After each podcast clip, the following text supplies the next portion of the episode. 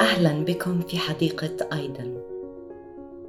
ماذا تعني لك كلمة المسؤولية؟ جميعنا بنشعر في بعض الأحيان بأنه إحنا مثقلين بالمسؤوليات والمصاعب. ولكن كلمة مسؤولية هي فعليا تعني القدرة على التجاوب بطريقة مناسبة. هاي الفكرة بتجعل الحمل أخف ثقلا. ليش؟ لأنها بتجعل المسؤولية قدرتي وقدرتك على التواصل الصحيح والسليم في كل لحظة. هل اختفى ضجيجك الداخلي؟ هل ما زلت تفكر بالآخرين وردود أفعالهم تجاهك؟ هل بدأت بالنظر إلى الحياة من وجهة نظرهم؟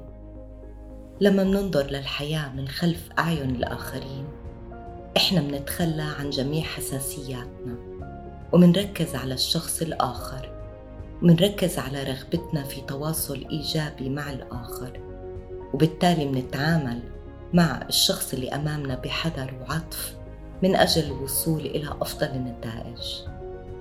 اللي بيحدث غالبا هو إن ممكن نقول ما في عقولنا لأنه مضطربين أو غاضبين وبدنا الآخر إنه يفهم وين إحنا ويفهم علينا. ولكن لابد أنه ننظر أيضا من وين بيجي الآخر. هذا لا يعني إنه إحنا ما نكون قادرين على قول ما نريد بثقة ولكن أيضا بإمكاننا نوصل أي معلومة لشخص آخر بلطف.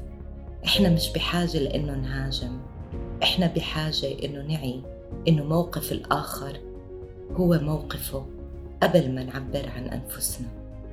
اللي بيحدث غالبا هو إنه إحنا منقول اللي موجود في عقولنا ومنكون قادمين من اضطراب أو غضب. وبدنا الشخص الآخر يفهم علينا. ولكن من المهم إنه ننظر من أين يأتي الآخر. هذا ما بيعني إنه إحنا ما بنقدر نقول اللي بدنا نقوله بثقة.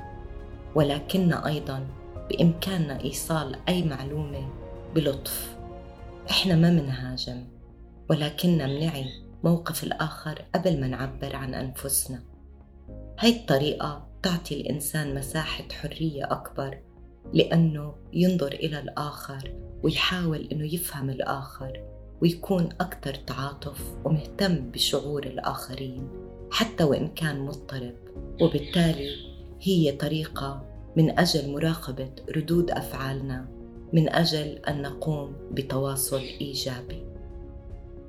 إن تحدثت أنا معك بهدوء وبطريقة مناسبة بوسعي أن أحظى بنتائج أفضل. هذا طبعا ما بيعني استرضاء الآخر ولكن بيعني إنك بتسمح لنفسك إنك تتواصل بهدوء وسلام من أجل نتائج إيجابية. الغضب بيعمل أبصار وما بيسمح لنا إنه نشوف ونقول الحقيقة. الغضب بيجعلنا نقول أشياء ما بنعنيها شو بصير لو اتخذنا القرار من اليوم بأن نقول ما نعني ونعني ما نقول؟ إذا إحنا إجينا من غضب فإنه تحقيق ذلك مش ممكن. إذا لابد إنك تقول ما تعني وتعني ما تقول وهذا رح يجعلك تتواصل بسلام وتفكر قبل ما تقول أي شيء. لتتأكد إنك ما عم تأذي شعور الشخص اللي أمامك وبالتالي بتحظى بنتائج إيجابية إلك وللآخر. مرة أخرى القضية مش قضية مين على صواب. إحنا بحاجة لأنه نوجد الراحة في المواقف الغير مريحة. حتى وإذا كنا منعرف إنه الآخر قد قام بعمل مؤذي أو خاطئ أو ما نعتقد إحنا بأنه مؤذي أو خاطئ.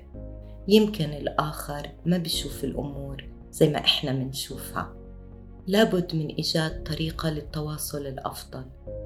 باستطاعتك شق هذا الطريق والسماح لذلك بهدوء.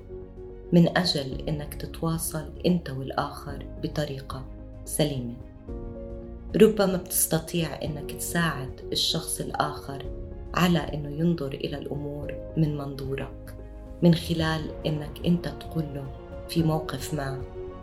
إذا أنا تكلمت معك بهذا الأسلوب وأنت كنت مكاني هل ترضى بذلك؟